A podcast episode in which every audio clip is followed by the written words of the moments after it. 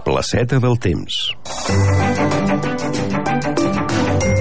Molt bona tarda, benvinguts a la placeta del temps. Al programa d'avui parlarem amb l'Ariadna Ruiz, durant molts anys bibliotecària a Cornellà de Llobregat, que ens explicarà alguns records de la seva vida. No podem començar el programa d'avui sense comentar que ja fa més de 40 anys que va morir el dictador Francisco Franco. Coincidint amb aquesta efemèride, l'Associació de la Memòria Històrica i Democràtica del Baix Llobregat ha fet arribar a tots els ajuntaments de la comarca una instància per tal de recordar i insistir en la necessitat d'aplicar l'article 15 de la llei de la memòria històrica de l'any 2007. En concret, es demana la retirada de símbols franquistes que hi puguin haver encara, com per exemple noms de carrers o plaques de vivendes, i alhora que es faci un reconeixement dels espais de la memòria democràtica. Fet aquesta menció, comencem el programa, la nostra humil contribució a la restauració de la memòria. Endavant! La vida passa a la placeta. Escolta la placeta del temps. Avui parlem de la mobilització ciutadana que es va produir a Cornellà als anys 70 per la canalització del riu Llobregat. Ja fa uns dies vam parlar de la riuada de 1971, una tragèdia que es va produir ara fa més de 40 anys i que per sort no es va cobrar cap vida, però que va afectar profundament a la nostra ciutat. Vam convidar a Ramon Rull, en aquell moment i el tenim aquí un altre cop als estudis de Ràdio Cornellà. Hola, bona tarda. Bona tarda. Ell va ser el comissari de l'exposició La memòria del fang que es va realitzar l'any 2011 i també del llibre amb el mateix títol que va publicar l'Avenç de Cornellà. Ramon, ens vam quedar fa uns dies, ens vam quedar a, a les portes de començar a parlar de la lluita que es va produir a Cornellà per la canalització del riu Llobregat i doncs volem recuperar aquella tertúlia que teníem parlant de, de l'endemà de la riuada. Què va passar a partir d'aquell setembre de 1971 i de tot el que es va mobilitzar, de tots els col·lectius que es van mobilitzar a la ciutat per eh, doncs evitar que hi hagués una altra tragèdia d'aquesta magnitud. Molt bé, doncs, bueno, jo, jo crec que ja vam parlar l'últim dia de que els veïns són els que reclamen que vagi l'exèrcit a netejar. Vull dir que primer ho van fer els Almeda, després s'hi van afegir Riera, Centre i eh, clar, va haver-hi un temps de, de neteja de, de, de reparar tot el que s'havia fet malbé. I això eh, jo crec que dura un temps en què la gent el que bàsicament es dedica és a restaurar dintre de les mesures possibles eh, el que tenia tant a dintre de casa com en el col·lectiu no? en, el, en el més de barri tota aquesta, aquesta etapa jo crec que dura que té una durada que és fins al maig de 1972. Què, va, què va passar al maig de 1972? Eh, aquí hi ha un detonador, i és que el 31 de maig de 1972 la policia municipal va despertar els veïns per prevenir-los d'una possible nova riuada. Clar, eh, això eh, eh, sobta amb els veïns, imagina't, fa uns quants mesos que n'han passat una que, que, que, que els ha deixat destrossats i pensen, bueno, però això què és? És que estarem cada dia amb l'ai al cor de que s'hi torna a sortir el riu? I és aleshores que de la mà sobretot de les entitats més lligades al barri en el cas de, de, de Cornellà Centre el Patronat Recreatiu de Cornellà en el barri Riera l'Associació de Veïns de Riera i en el cas d'Almeda, el Centre Social Almeda aquestes tres entitats agafen d'alguna manera la iniciativa per reclamar d'una vegada per totes la canalització del riu. Pensem que aquesta canalització és un projecte que ja en temps d'Isabel II és promès. Eh, Isabel II es publica a la Gaceta doncs que hay que canalitzar el riu Llobregat. Ja portàvem més d'un segle. Sí, sí, i, i les inundacions són periòdiques, no amb la intensitat de la de 1971, però els veïns del Prat estan cansats de lluitar amb terraplens de tota mena per evitar a les inundacions. A Sant Boi també, a les masies que hi han en el Delta. A Cornellà també, a Sant Boi també. O sigui, és algo que hi ha eh, a partir de, de que l'home, com si diguéssim, ha posat el peu, ha posat la planta dintre del Delta, doncs que es produeix el problema. Perquè el Llobregat sempre s'havia ja com havíem dit a l'anterior entrevista que havíem tingut, sempre s'havia de, de, sortit de mare i que per això havia crescut el delta. Per tant, aquest és un procés que el que hi ha que fer és buscar-hi una solució. La primera iniciativa és que aquell mateix mes de maig, després d'aquell ensurt, s'inicia per tot Cornellà, sobretot en, el, perdó, en els barris afectats per la riuada, una recollida de signatures que té eh, no tan sols que posar el nom i la, i la signatura, sinó que es demana que també es posi el DNI. Això ara sembla una tonteria, però en aquells moments posar el DNI amb aquell sistema policial que hi havia doncs imposava. O sigui, era un pas més amb la teva, com si diguéssim eh, aposta que, que feies. No tots posen el DNI moltes vegades perquè no es demana perquè algú no es demana. Penseu que el, els que anaven a recollir aquestes signatures ja era un compromís d'entrada, anar trucant porta a porta, porta freda, que en diuen els comercials, eh, a demanar una signatura i un DNI de, perquè no sabies en qui et podies trobar. Podies trobar-te amb un addicte al règim, uh -huh. i mhm. això et podia portar problemes, o, o, o fins i tot un, una bufetada, no? Per tant, era un compromís eh, bastant, bastant més enllà de la simple signatura. Quantes persones van signar aquella carta? Es recullen unes 3.000 signatures i a més a més amb, el, amb algunes d'elles hi ha el segell dels comerços perquè pensem que els comerços a Cornellà els barris de Cornellà van ser molt afectats per aquestes inundacions Aquesta, aquestes 3.000 signatures es redacta una carta primera que s'envia a l'Ajuntament, a l'alcalde, dient-li tal dia vindrem a portar-li una carta, esperem que vostè hi sigui per rebre'ns. O sigui, no se li demana audiència, se li diu que nosaltres anirem allà.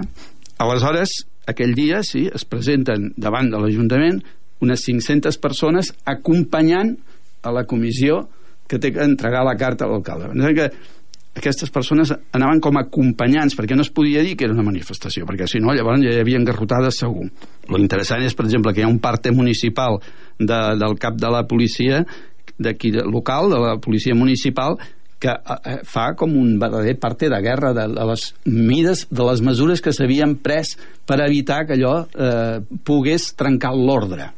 Això era importantíssim, que no es passés. Quin era el posicionament de l'alcalde de l'època respecte d'aquesta carta que va rebre i, en general, quina és l'actitud que va prendre amb els ciutadans de Cornellà?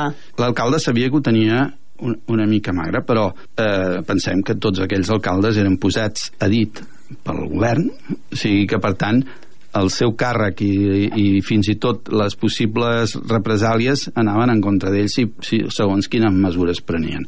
I per tant està entre dos aigües. L'alcalde, com a veí de, de Cornellà, sap que la ciutat té un problema immens, que és el riu. I en canvi, doncs clar, el seu càrrec depèn de, del govern. Sí, per tant, navega una mica a dues aigues, però eh, evidentment, quan cal que vingui la policia o la Guàrdia Civil eh, no, no dubta gens en que vingui la Guàrdia Civil o la policia. Els moviments Ara, que va fer ell per uh, aconseguir uh, alguna cosa per la ciutat de Cornellà, alguna, algun terraplè o nou o alguna mesura addicional, van funcionar? A veure, els, te, els terraplens no van funcionar mai. O sigui, el, els terraplens pensa que el, el que s'havia aixecat... O sigui, el 1971 ja hi havia un terraplè fet després del 1962 i si veus les fotografies de com va quedar el terraplè aquell és que el va desquartitzar. I sí, ara s'intenta una altra vegada fer un terraplè una mica més alt. Però és que fins i tot aquest terraplè no s'arriba a acabar mai. S'arriba a acabar mai perquè per exemple Sant Joan d'Espí no el vol perquè hi ha una sèrie d'interessos que, no li, que no li interessen eh, Sant Boi també i el Prat també s'alarmen de que aquí es faci un terraplè perquè està clar, si aquest terraplè arribés a funcionar i aturés les aigües vol dir que les aigües pujarien més de nivell cap a l'altra banda i inundaria més Sant Boi o el Prat Llavors, per tant, els terraplens aquests no funcionen. I això els veïns ho saben i ho diuen en cada carta.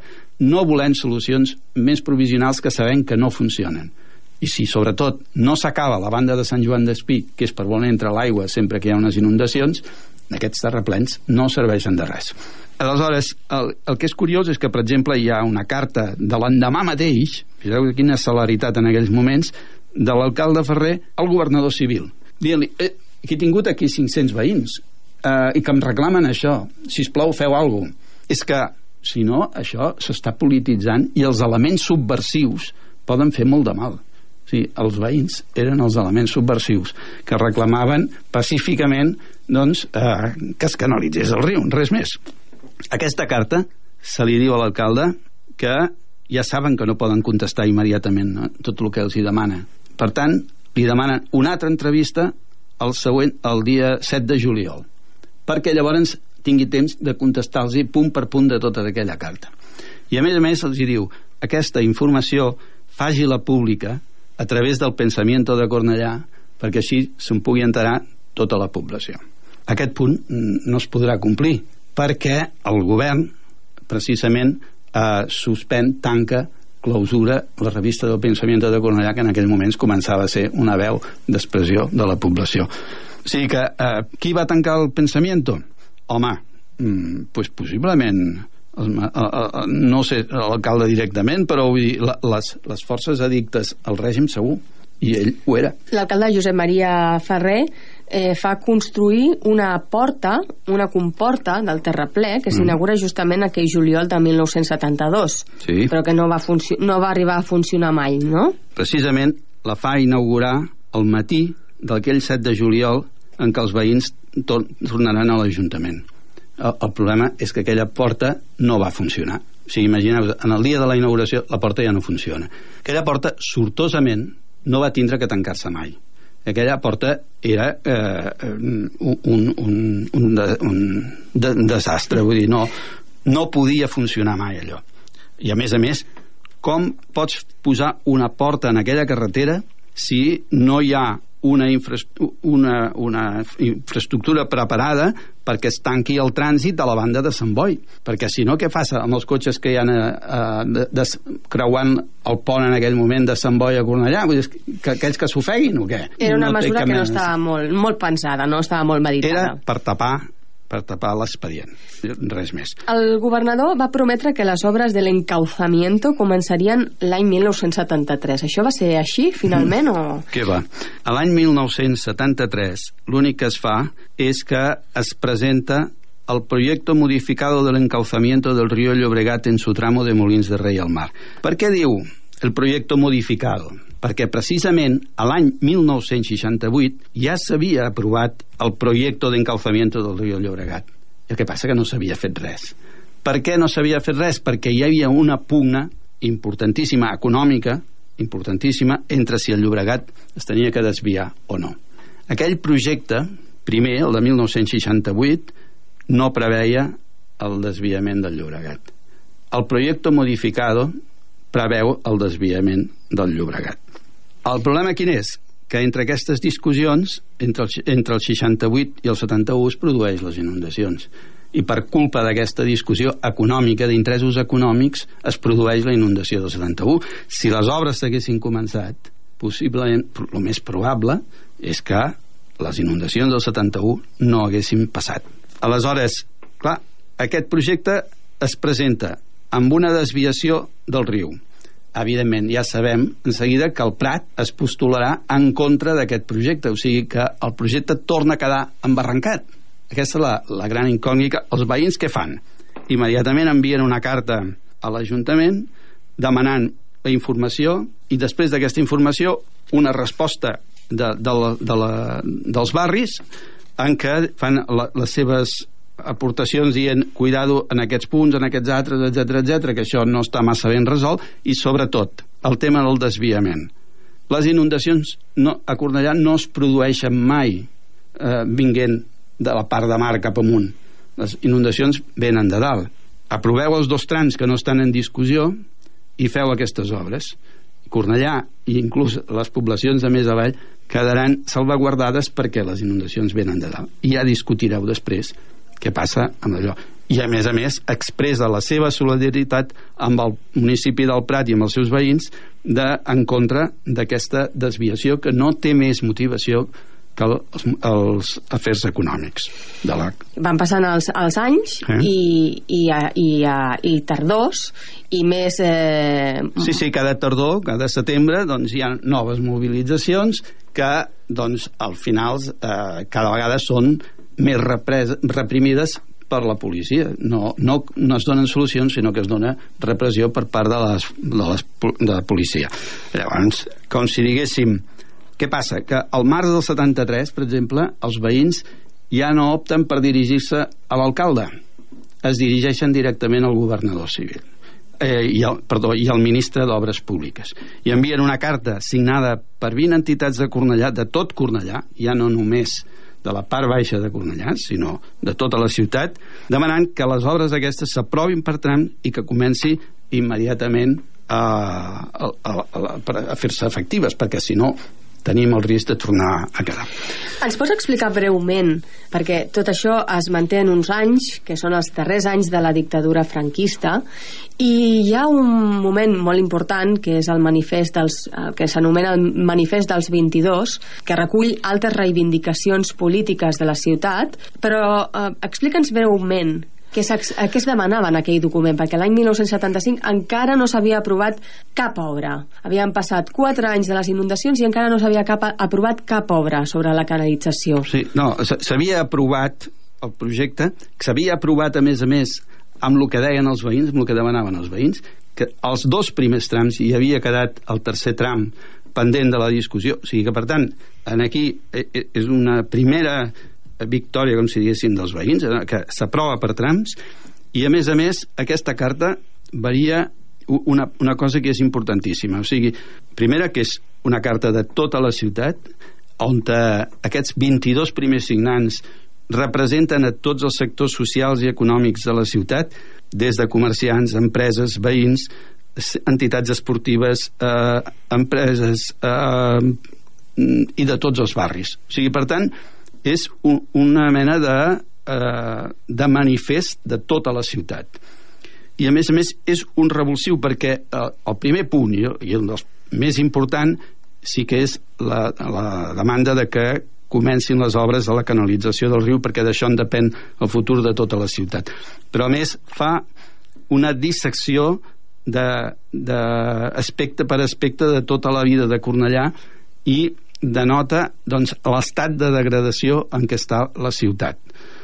Això fa que aquesta carta, que primer és signada per 22 i que té un component per primera vegada més polític, o sigui, on ja es diu clarament que la, eh, aquests problemes no els pot solucionar un ajuntament com el que hi ha ara, sinó tan sols un ajuntament democràtic que pugui representar els interessos de tota la ciutat. I en aquest sentit, aquesta carta és com una taca d'oli que s'extén per la ciutat. D'aquests 22 es van afegint persones, identitats que continuen signant aquest manifest.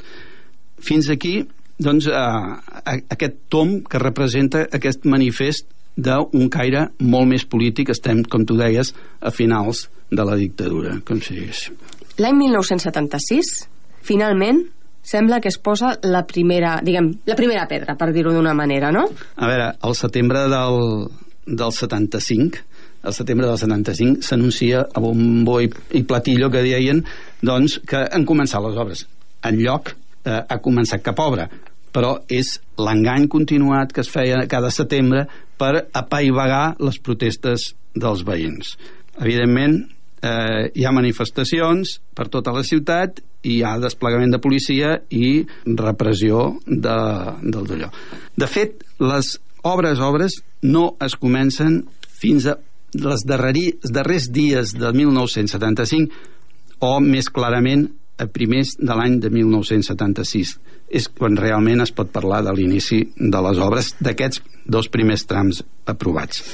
I, i quan es veu finalment l'obra enllestida? Quan triguen? Uh, L'obra enllestida no s'acaba, doncs, que, que pràcticament uh, fins al 1990, una cosa així, 80. A veure, és que la, les obres del, del 70, el 78-79, les obres principals estan acabades, com si diguéssim, però hi ha tota una sèrie d'obres col·laterals importantíssimes per una ciutat com Cornellà que són com les aigues que baixen de les parts altes de la ciutat o dels municipis que estan per sobre de Cornellà, per exemple, van a patar el riu.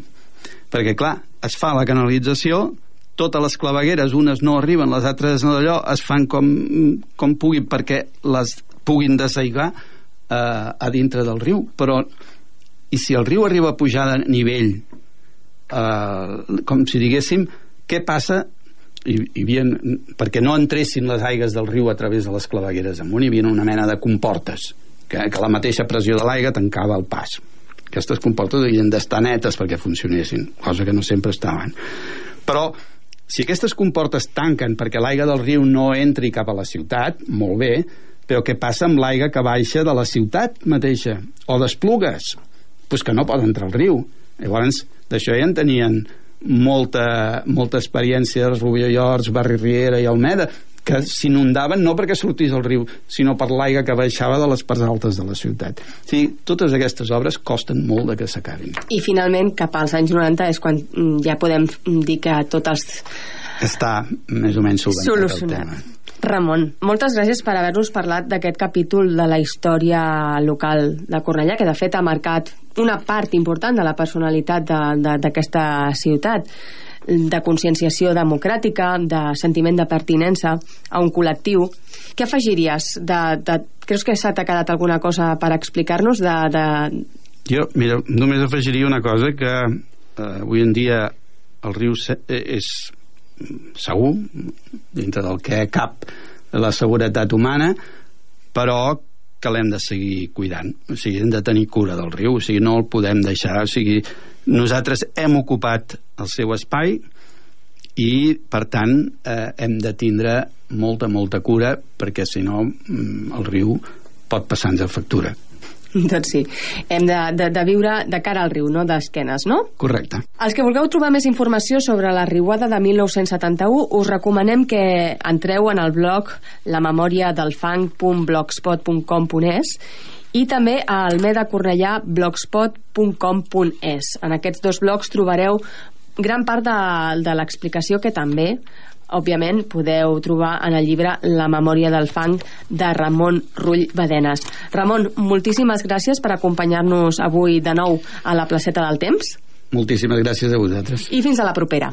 Gràcies, sí. Descobreix tot el que passa a la placeta a radiocornellà.cat. Avui anirem a parlar a la placeta del temps amb l'Ariadna Ruiz.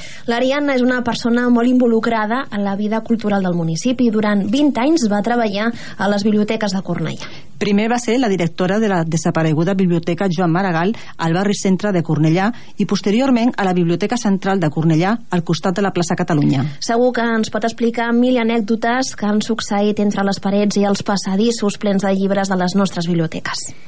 Anem a la plaça dels enamorats, que és on ens ha citat l'Ariadna.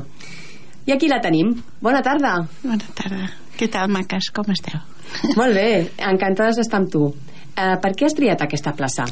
Uf, és que aquesta plaça és preciosa, eh? Quan surten uh, els, els arbres florits a la primavera, sobretot aquesta època eh, de l'any. I a part, doncs, allà hi ha normalització lingüística, que vaig anar de gran a aprendre català, no us ho perdeu, això, eh? Després, eh, no sé, aquell edifici que hi ha de l'Ajuntament, que l'han fet nou, que és com un mirall, fins i tot vaig em va passar una cosa molt trista en aquell moment una, un colom es pensava que era el cel oh. de tant, i es, es va ensopegar i va caure eh, però, però dona la sensació de més amplitud saps aquella paret de vidre uh mhm. -huh. bueno, i a l'altra banda l'església amb els seus fonaments romans, i, romans i que sé, antiquíssims eh? Molt bé, doncs bona tria, bona tria, Ariadna. doncs estem aquí per escoltar tot el que ens vulguis explicar de la teva vida. L'Ariadna va néixer l'any 1937 a Barcelona. La seva mare, l'Antònia, era bibliotecària del poble on vivien, a Pineda de Mar, i el seu pare, en Manel, era farmacèutic. Va tenir tres germans, un de la mare i dos del pare. L'Ariadna va néixer enmig de la guerra. Manel Ruiz va ser alcalde de Pineda, era del Partit Socialista Unificat i en acabar la Guerra Civil va haver de fugir a França. La seva mare ho va fer poc temps després, va creuar els Pirineus a peu amb els seus dos fills, l'Ariadna i el Pau. En aquell moment, Ariadna, eres molt petita i no sé si tens records d'aquella primera infància. No, no tinc. Més que res, a vegades és el que m'explicava la meva mare, que es veu que va, com que van passar a peu, eh, al, al Pirineu, doncs es veu que hi havia els gendarmes allà que menjaven pa i, i menjaven pa blanc es veu, i jo no sabia el que era i li vaig preguntar a la meva mare perquè es veu que menjaven pa negre normalment i bueno, és una anècdota que em va explicar ella i sempre me'n recordo d'això però no de que me'n recordi jo directament Qui va ajudar la teva mare en aquesta fugida? Bé, es veu que hi havia unes persones que es dedicaven a passar gent d'una banda a l'altra, eh? Jo tinc entès que per, per uns diners, per uns diners feien de guies a la muntanya. I la teva mare va aconseguir un guia. Sí, sí. Uh -huh. I com era la teva família? Explica'ns una mica abans de començar aquest recorregut perquè vosaltres aneu cap a França.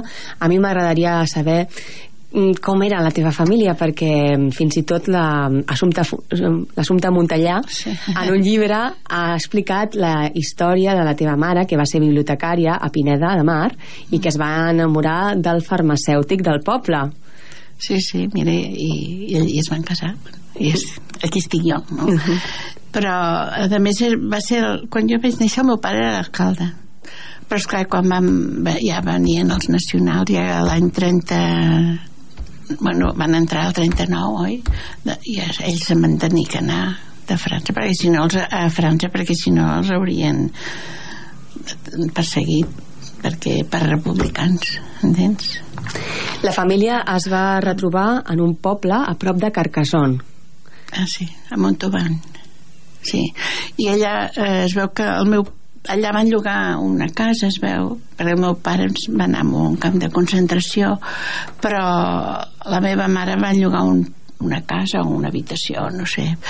I allà estaríem nosaltres i ens hauríem poder veure amb el meu pare però eh, es veu que es passava molta gana saps? i llavors van dir inclús la meva mare em va dir que penjaven el pa uh, del sostre i, i, i baixaven rates eh? però sí, sí es veu que es, era molta misèria en aquella època bé, total que es veu que van decidir que jo eh, necessitava alimentar-me més i em van enviar una, cap a Barcelona amb un tren i em van posar un lletrero i em van enfilar el tren. Tinc entès que hi havia una senyora que portava més nens que jo i que feia com de monitora o jo què sé i llavors em vaig enviar a Barcelona i amb un lletero que deia que anava a casa dels meus oncles. I allà vas estar un, un petit temps amb els teus oncles que et cuidaven. Sí, vaig anar a viure a casa dels meus oncles i després la meva mare quan el meu pare se'n va anar a Mèxic perquè va tenir la sort de, de que Mèxic era un, un país que estava buscant gent amb, amb títols i per organitzar una mica suposo que ara tot això se'n deu anar a Boris, eh, aquest ambient que hi ha de, desgraciat de Mèxic vull dir. però eren uns altres temps total que el meu pare allà el, el li van oferir el viatge em sembla que des de Marsella se'n van anar més perquè a quin camp de concentració de França va estar el teu pare? Um, me sembla que era per allà Motoban jo ben bé tinc que esbrinar això encara no ho he i va marxar a Mèxic ell sol? Em sembla que va estar en dos, en dos camps. No sé si Argelers un, i l'altre, no sé. Un d'aquests. Bueno, I es veu que feien com unes llistes de gent que, que potser els podrien apuntar-se en aquests viatges i ell va tenir la sort que el van triar i va anar, se'n va anar. Llavors la meva mare va tornar cap a Barcelona i llavors allà doncs, mira, va recollir tot el que va poder es va vendre l'herència bueno, recollir tot el que va, podia eh, es van vendre uns terrenys que tenien i així, un, uns horts allà. La meva mare era filla de Lloret de Mar i tenien unes vinyes i coses i s'ho van vendre per poder fer el viatge cap a Mèxic. Llavors ens va agafar els dos el meu germà i a mi vam anar a Vigo i des de Vigo vam agafar un vaixell que d'un viatge de 21 dies fins a Cuba 21 dies? Sí, un vaixell que es deia Magallanes i, i d'això te'n recordes? Tu? Ah, sí, d'això ja me'n recordo, perquè és clar, si teniu en compte que jo ja tenia 6 anys o així, ja ah, sí? sí te'n recordes perquè són coses cada dia diferents. Quan ets petit i, i estàs sempre vivint la mateixa rutina, oi, que costa més de, de esbrinar de quin any va passar però jo com que eren coses tan diferents i tan inesperades no? i tant sí, i me'n recordo en el vaixell doncs vaig tenir també una, un dia mmm, Ah, com, va ser quan vam baixar a Cuba que hi havia uns negres amb uns fusells i jo em vaig espantar molt perquè mai havia vist persones negres i vaig dir a la meva mare i per què van amb fusells? i és que era la segona guerra mundial era l'any 40 40 o així, és el començament de la guerra mm. I aconseguiu arribar fins a Mèxic? Sí, llavors vam tenir que esperar un mes a Cuba perquè ens donguessin el pas per anar a Mèxic. I llavors vam anar amb avió a Mèxic i allà ens esperava el meu pare que ja ens havia preparat la casa. I ja vau recuperar la tranquil·litat? Sí, mira, vam anar a escoles i, i, va, i vam anar uns quants anys tranquils a nosaltres ens ho semblava que eren tranquils ens feia il·lusió veure el laboratori del nostre pare que ell era el jefe i, doncs, i, i ens ensenyava els microbis allà amb unes eh, botelles molt eh, era, com era el teu pare? físicament i de caràcter? ah, doncs no, era bastant simpàtic sí, però es veu que tenia un caràcter bastant fort eh? Però amb els nens no. Amb els nens vosaltres us... Bueno, depèn, eh? A mi em va ensenyar el rellotge, me'n recordo, amb, amb un reguilet que era un panet d'aquells que tenen sabeu aquells panets rodons que semblen eh, que tenen uns talls sí, eh? com els panets de Viena que allà se'n deien reguiletes sí. doncs per ensenyar-me les hores els quarts i tot això i em va, va costar una mica eh? tinc un record una mica de de que es va posar molt seriós perquè no ho entenia jo gaire i vivíeu a la ciutat de Mèxic DF sí, sí DF, uh -huh. sí allà en un bloc on al tots... carrer Constantinople carrer Constantinople, sí. que era en un bloc on hi havia tot de catalans exiliats. Sí, era un carrer sense sortida, eh? que, com un cul de sac, que se'n diria en català, oi? I en aquell número, en aquell edifici eren tot catalans i vam tenir la sort, mira, eh, vivíem a la mateixa escala del Pere Caldés, de la Beliatís, eh, i un altre que també es deia Navarro, que era un historiador també. I, I sabeu fet... qui vivia a la casa del davant? La Carmen Amaya. La Carmen Amaya. Sí, Uau. que jo en aquell moment no sabia qui era, però sé que ens deixava perquè feien pinyates. Allà, com que era un carrer tancat, al, al, allà a Mèxic es feia molt la tradició de, de, de picar quan els aniversaris dels nens o per Nadal i així. I ella ens, ens aguantava la corda des del seu balcó, com si diguéssim, d'una casa a l'altra i penjava la, pila, la pinyata. I l'havies vist ballar alguna vegada? No, no, no sabia ni qui era. La meva mare m'havia dit que era un artista, però no, jo no sabia què era. I d'en Pere Caldés guardes una bona anècdota, oi? Sí, que era fotògraf en aquella època, també. Mm -hmm. I, I jo vaig fer la primera comunió i em va fer una foto a mi. I la tinc. Que bé. Eh, sí, sí. Va fer gràcia. Bé, eh, no dura gaire temps aquest estar a Mèxic, eh, no. tot just 3 anys, no? Potser? 3 o 4, sí. Uh -huh. sí. I torneu a Barcelona l'any... Ja tenia 11 anys quan vaig venir. Sí. Uh -huh. Torneu a l'any 46 cap a Barcelona? Sí, 46 o 47. Ara no sé ben bé. I bueno. comences els teus estudis al Liceu francès? Sí. Els teus pares van aconseguir feina de la seva professió quan van tornar a Barcelona? Bueno, el meu pare no va tornar, eh? El meu pare es va quedar allà. Es van separar els meus pares. Sí, sí. La meva mare, la que va tornar amb nosaltres dos, ens van donar l'excusa que és que volien que estudiéssim aquí a Catalunya. Jo no sabia per què, però mira, es veu que ells ja es van separar. Tu parlaves català a casa o sí, parlaves sempre, castellà? Sí, català. Sí. Però, esclar, també havia pres... El... Allà també vaig anar a una escola francesa i, i una mica francès i el castellà, naturalment, mexicano. Es veu que quan vam venir aquí teníem una mica d'accent, ara ja... Això ja... Que es va perdre. Sí. els nens, com són com esponges, agafen sempre els accents. Sí, de petits és més fàcil, eh? Sí, sí. Bé, doncs eh, vas estudiar al Liceu francès sí. i mm, després també vas estar la, al Col·legi Isabel de Villena. Sí, bueno, al Liceu francès vaig estudiar batxillerat espanyol, uh -huh. Eh, primer vaig començar els dos batxillerat francès i espanyol, però no podíem tot, perquè una cosa era els matins, l'altra no tenia temps de fer els deures i potser no seria jo tampoc, però capacitat per fer-ho seguir tot. Total que vam agafar el batxillerat espanyol perquè era el que en un futur tenia que valdre més per als estudis aquí i tot.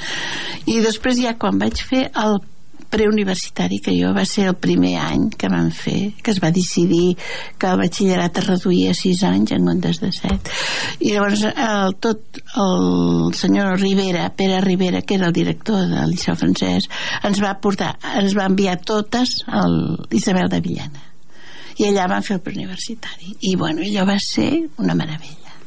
Va ser el millor, el millor que em va passar a la vida.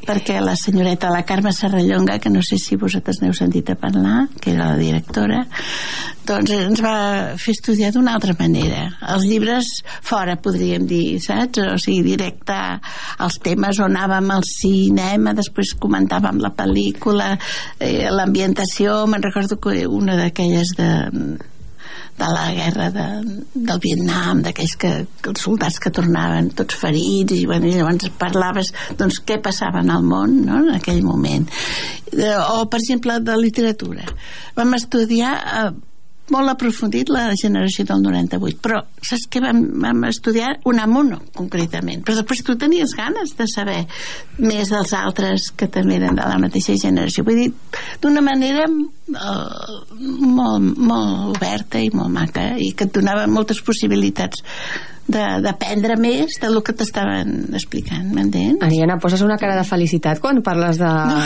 de l'institut? No, no, és que a més això m'ha servit també de bibliotecari. Els bibliotecaris no sabem gaire de tot, sinó que hem de buscar els ponts. Eh? O hem d'obrir camins per l'altra gent per aprendre o per investigar qualsevol cosa doncs aquell, aquell curs ens va marcar molt saps? A mi em sembla fantàstic que la gent pugui parlar amb aquesta cara de felicitat del, quan, del temps en què va estar estudiant i que s'ho va sí. passar bé i va poder disfrutar. No, perquè abans ens deien que érem unes bleies solellades, ens deia el senyor Rivera, perquè allà tothom anava seriós i obeint tot. Però no, vam anar a un lloc de, de llibertat, entens? I també vas tenir de mestra de filosofia a Maria Aurelia Capmany? Sí, en el mateix curs, sí, sí. Uh -huh. Després realitzes estudis de biblioteconomia. Sí, vaig fer... Jo volia fer filosofia i lletres, però també era molt car estudiar una carrera... A tots els, els germans, què van fer? El meu pare va enviar diners perquè el meu germà estudiés eh, farmàcia, però jo que fes cuina, planxa i brodats, sabeu? I llavors esclar, la meva mare ja, ella havia estudiat i també ja veia que jo tenia que fer alguna cosa. I vaig tenir la sort de que la Diputació de Barcelona tenia l'escola de bibliotecàries i com que la meva mare hi treballava doncs va, vaig poder aconseguir una beca i així vaig poder estudiar la carrera la teva mare suposo que també va aconsellar, no? Ella també havia passat per l'escola de sí, bibliotecàries. Sí, sí, sí, però esclar, era en època del senyor Rubió i allò sí que era un somni també segons m'explicava ella però ja, ja no, no era aquest somni eh? en aquella època era diferent era Mateu Llopis el director encara hi havia alguna, algun professor que havia tingut la meva mare com el Pere Boigues eh, d'alguns alguna, que treballava a la Biblioteca de Catalunya i també donava classes allà però en principi tot eren professors que eren Mm, estaven a la universitat i, i donaven classes d'història, de llatí, d'art, del que fos, a l'escola de bibliotecàries també. Però tot eren era com un curs superior de batxillerat, continuació, una continuació més llatí, més grec més... m'enteneu? No. i no, no era, o sigui, no, no despertava cap vocació allò, perquè era com si encara fossis petit, que no, no haguessis sigut adult, una persona adulta que descobrís un nom, un món nou, no? Era... Però després sí que el, el darrer curs que ja va ser pràctiques, llavors ja va ser diferent. Ja vam anar a, a fer de bibliotecaris en biblioteques les que triéssim nosaltres. Clar, jo naturalment vaig triar Pineda perquè vaig dir, bueno, tinc que saber les meves arrels, no? I, bueno, i després també vaig anar a, a Olesa de Montserrat també que hi havia una bibliotecària molt maca que, que ens va ensenyar molt també, bueno, i allò sí que va ser i definitiu ja per dir que allò m'agradava aquella carrera uh -huh. el Perquè... amb, el gent, amb la gent a tu eh, t'agradaven moltíssim els llibres, imagino, no? Eh... Bueno, sí, bueno, a casa sempre n'hi havia hagut, ja us ho imagineu, no? Sí, Mhm. sí. Suposo que va ser la teva mare una mica que et va transmetre aquest amor per als llibres, per la literatura. Bueno, sí, llegir, això sí, sí, sempre tota la vida. Els, els meus regals eren llibres i bueno, tot. Recordes algun en especial? De llibres, Sí. sí. de contes, de tota mena, sí. Però penseu que com que la meva mare era una casa de catalans, doncs també teníem molts llibres catalans, el Patufet, tota la col·lecció dels Patufets, dels gegants dels aires i de, bueno, de tot, tot això era el, la meva mm, podríem dir literatura de, de casa de, Molt bé. I mm, un cop has acabat els estudis, quines van ser les teves primeres feines? Crec que va ser a la Facultat de Dret? sí. però va passar un, uns quants anys eh? Ah, perquè per aquí passen moltes coses a la teva vida personal, no? Sí. Et cases? Sí. Ja quan estava fent pràctiques ja, te, ja festejava i, Amb en i em Josep? tenia que casar quan acabés la carrera. Uh -huh. I de què el coneixies, el Josep? També havia estudiat al Liceu Francès. Ens Mm. coneixíem els antics alumnes d'allà. Anàvem d'excursió i tot això. I junts heu tingut set fills. Sí, Quatre nois i tres noies. sí, que bé que ho saps. He preguntat una mica abans de venir a la plaça. Ah, molt bé. I, i bé, una mica amb tanta, amb tanta criatura necessitaràs dedicar molt de temps a les criatures i dediques un temps de quan és? Aproximadament uns, 10 anys? Sí, uns 10 anys. Allà no, no treballava fora de casa. I després jo vaig dir, bueno, he estat estudiant tants anys i també aquestes criatures es necessita alimentar-les, oi? I tot i que el meu marit ja feia tot el que podia, però també eren èpoques difícils. A què es dedicava el teu marit? Ell tenia una fàbrica aquí a Esplugues, precisament.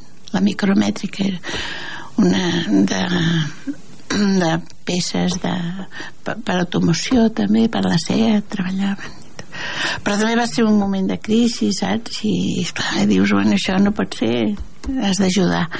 I llavors pues, res, vaig pensar a veure si de bibliotecària trobo feina. I bé, i llavors de mica en mica pues, vaig anar fent coset, van oferir una feina a la Facultat de Dret que era una biblioteca dipositària dels documents de les Nacions Unides que era com un donatiu que feien les Nacions Unides de tots els documents que generaven però tenien que estar ordenats. I és que quasi, quasi em va servir més saber francès que no pas ser bibliotecària perquè si saps el sistema d'ordenació tothom ho pot aprendre i l'únic que tenies que saber de què anaven els temes no? i em va servir més la llengua perquè això sí, la carrera de bibliotecària el que té de bo és que s'ha de saber com a mínim dos o tres idiomes m'entens? a l'entrar ja tens que presentar un que a mi em va anar molt bé el francès i després a l'anglès el sortir a part també una miqueta del, de, dels altres de les altres llengües una mica has de saber el vocabulari tècnic per dir-ho d'alguna manera no cal saber parlar alemany però sí que has de saber doncs, com el peu d'impremta o coses, paraules més tècniques per dir-ho d'alguna manera I després vas estar al Col·legi de Notaris. sí vaig estar bastants anys sí. Eh, allà al vaig final... conèixer el, el Joan Tardà i, Ah, el, sí. i el Joan Fernández que eren historiadors d'aquí i em deien que venien a estudiar a investigar la història de Cornellà. I dic, aquí?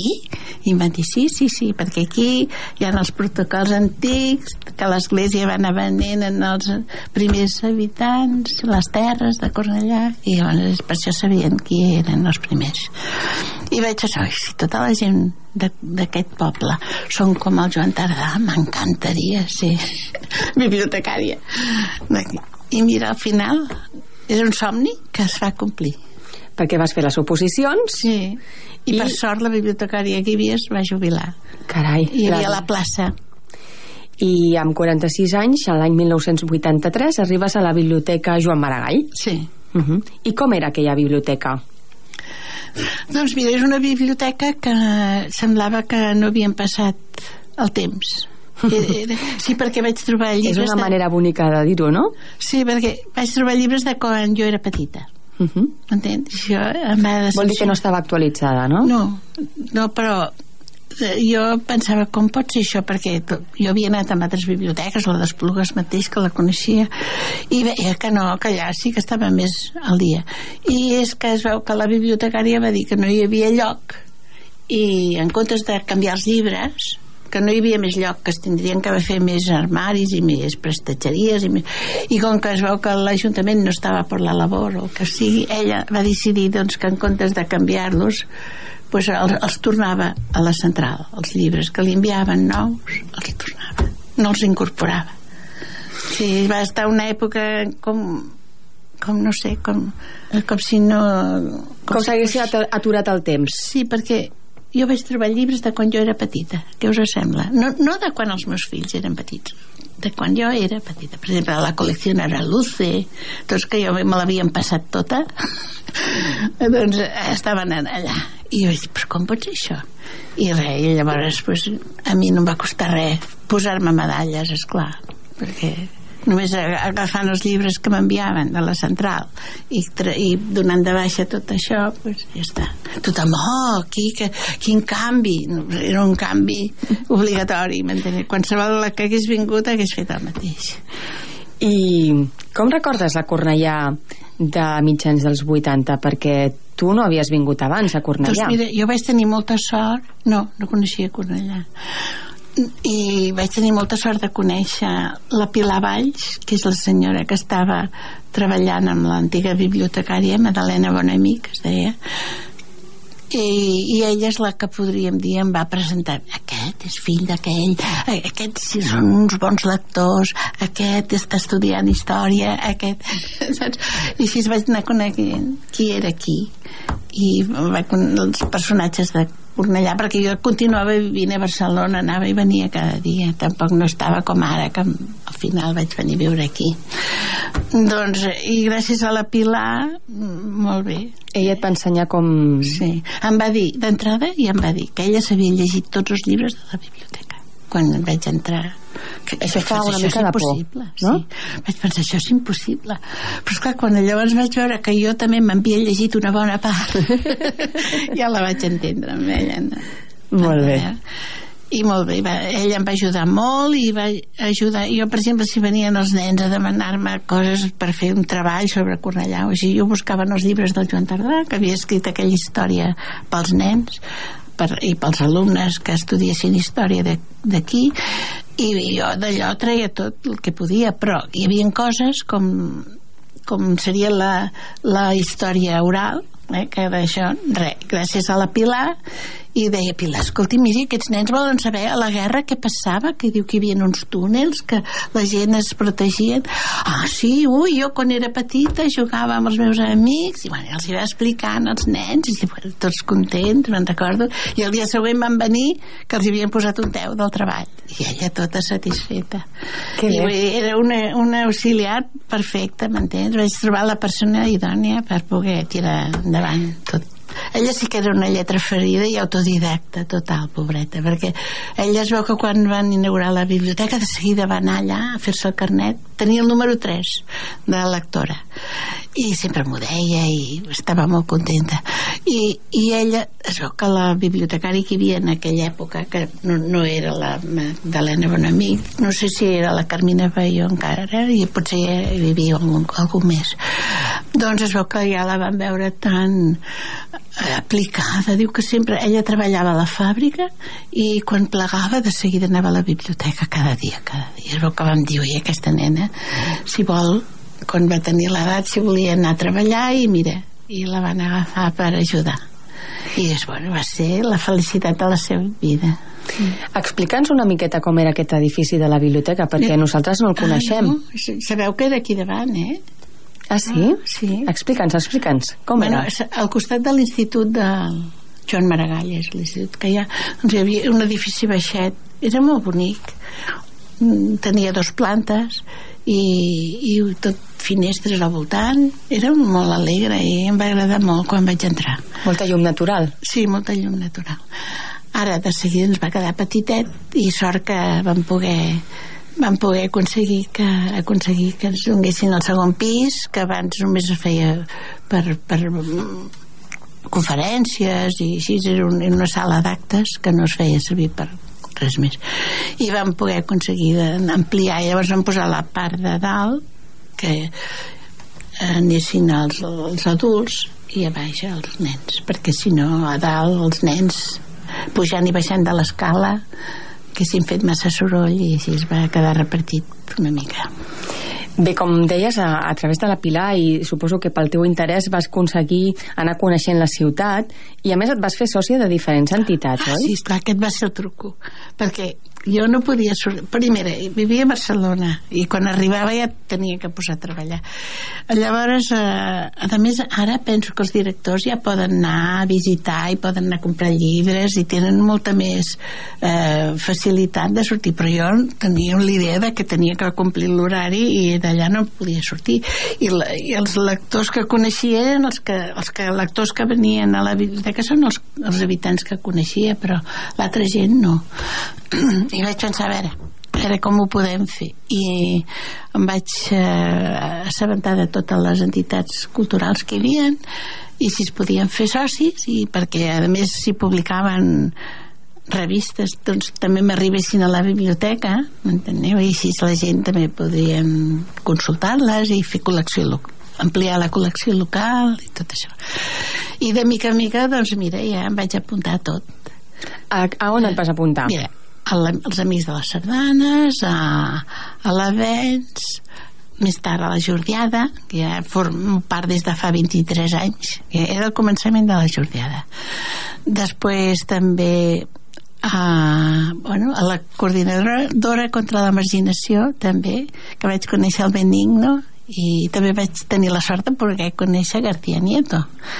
Bueno, això em va semblar que, és, que era una idea fabulosa Uh, perquè lo, la feina que estaven fent contra els, pre, pels presos aquesta gent que no podien treballar perquè ningú els agafa i ells els hi van proporcionaven sortides després a veure quines altres? Has, has dit has dit Amics de la Sardana has dit la Jordiada i el Dona, Dones Artemis? no, Dones Artemis eh, va ser més tard. Però sí que, és clar ara mateix formo part d'elles. de, bueno, d'Òmnium jo sabeu que, que també ara hi ha una delegació aquí a Cornellà però jo ja em vaig fer de l'Òmnium de Barcelona llavors ja quan vam fer aquí doncs em van demanar si volia fer formar part de la Junta però tot això m'hi he pogut dedicar més al jubilar-me eh? uh Mhm. -huh. perquè llavors ha sigut el moment de conèixer més la gent que no venien a la biblioteca com uh -huh. si Mhm. diguéssim els he conegut després tot, o sigui, per posar-me en contacte amb tota aquesta gent el sistema era aconseguir aconseguir totes les publicacions que sortissin eh? que, que es vegessin obligats a enviar-ho a la biblioteca per, després els relligàvem i allà estan totes aquestes col·leccions totes les, totes les publicacions que es feien en aquell moment vaig anar a l'Aquí no sé si vau pescar vosaltres aquesta revista petita qui escrivia el, el Navales per exemple i l'Ignasi Riera Una pregunta, Ariadna, perquè en aquest període que tu vas ser bibliotecària es produeix el moment de l'aparició i l'extensió dels ordinadors, no? I tot es digitalitza, tota, sí. totes les noves tecnologies entren a dins de les biblioteques. I per a tu, com ho vas viure? Mira, és que va coincidir que vam tenir com un any sabàtic, perquè dir-ho treballant, eh, però amb la biblioteca tancada. Ah, val, sí, l'any 95 seria, perquè eh, es va tancar tot lo vell, podríem dir, i es va poder per fer ja passar a la Biblioteca Nova, d'allà del García Nieto. I eh, llavors vam fer uns cursos, també va coincidir amb que jo era bibliotecària pelada bueno, de, de la Diputació de Barcelona. Llavors es tenien que ser diplomats per ser directors de biblioteca i llavors pues, esclar, vaig fer uns cursos i, i, em vaig, i vaig tenir que presentar una memòria per ser també directora i tot això. I llavors tot això em va ajudar perquè la Diputació mateixa ens va proporcionar els cursos, m'entens? I gràcies a això vaig aprendre i em vaig introduir en aquest món de la informàtica i l'any 96 s'inaugura el centre Joan García Nieto Sí. on està la biblioteca actual sí uh -huh. I ja vas passar la resta de... A partir d'allà ja està automatitzada la biblioteca, eh? ja no hi ha aquelles fitxetes que es buscava. Tot. Que me'n recordo que en les fitxes posava la del Guerra de Liberació Espanyola per buscar en comptes de la Guerra Civil. Sí, sí, vaig tenir que canviar coses d'aquestes eh, quan vaig venir aquí. Però bueno, ara tot això ja és història. I llavors pues, ja i a més ara està tot molt més tan automatitzat que es fa des d'una central de Barcelona. Ja es dona els llibres que més o menys són tots els mateixos a totes les biblioteques. Tot això ja el bibliotecari puntual no ho ha de fer ja li ve donat. Uh, si no però sí que ha de fer els llibres que siguin només propis d'aquella biblioteca perquè ara també cada biblioteca eh, s'ha intentat especialitzar-se eh, amb, amb un tema de, diferent.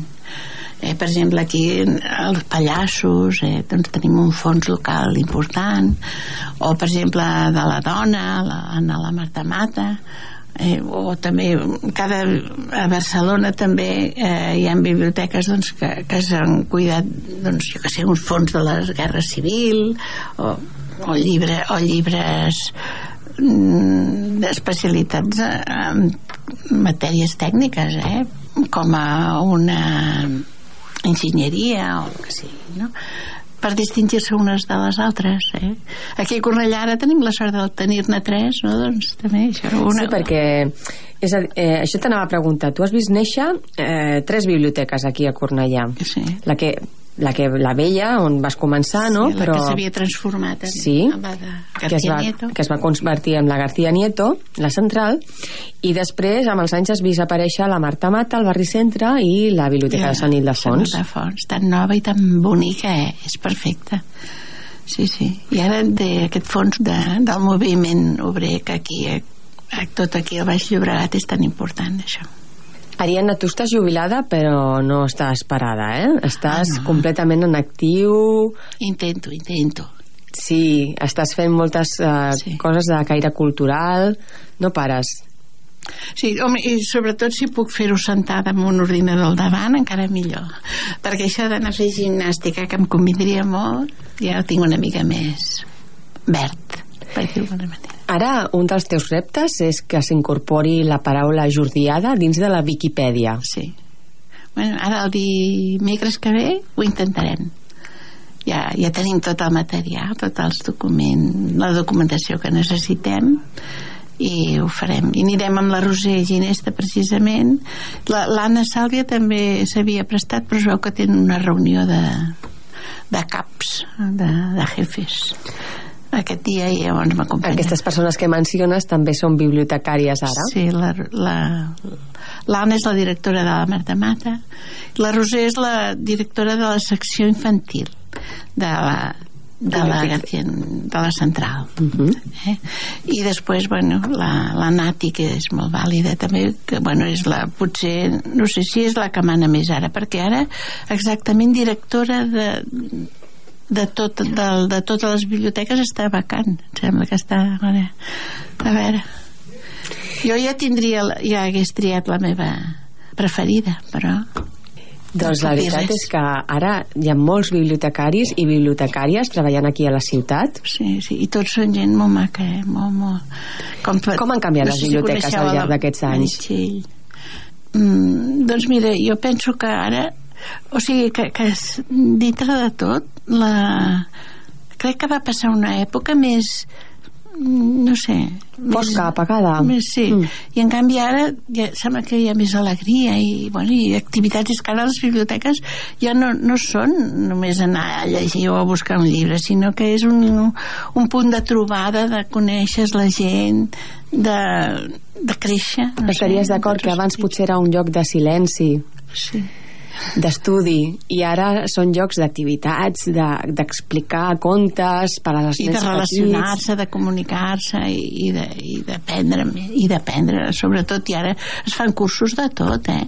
Mira, jo, sense anar més lluny he anat a fer dos cursets de tabletes de, i de...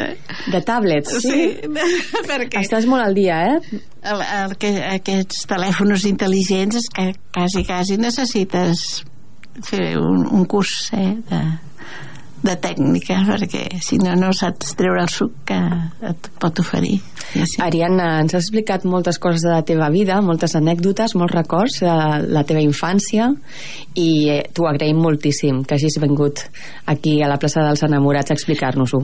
no, jo també estic molt contenta de conèixer-vos i de més Fins a la propera. molt bé estic molt contenta i gràcies eh La vida passa a la placeta. Escolta la placeta del temps cada dissabte a la una del migdia a Ràdio Cornellà. Acomiadem el nostre programa d'avui recordant-vos que ens podeu trobar a internet a la placeta del temps.blogspot.com i a radiocornellà.cat. Repassem l'equip humà que ha fet possible aquest programa. A l'apartat tècnic, Àngel de les Heres, Òscar Morales, José Antonio Castillo i Pablo García. A la producció i locució, Esther Collado, Ana San Agustín, Beatriz Fonseré, Verónica Tomico i Raquel Casas. I a la direcció, qui us parla, Mireia Navarro. Ha estat un plaer acompanyar-vos una setmana més a la placeta. Tornem dissabte vinent a la una amb una entrevista a Joaquim Junyent. Fins aviat.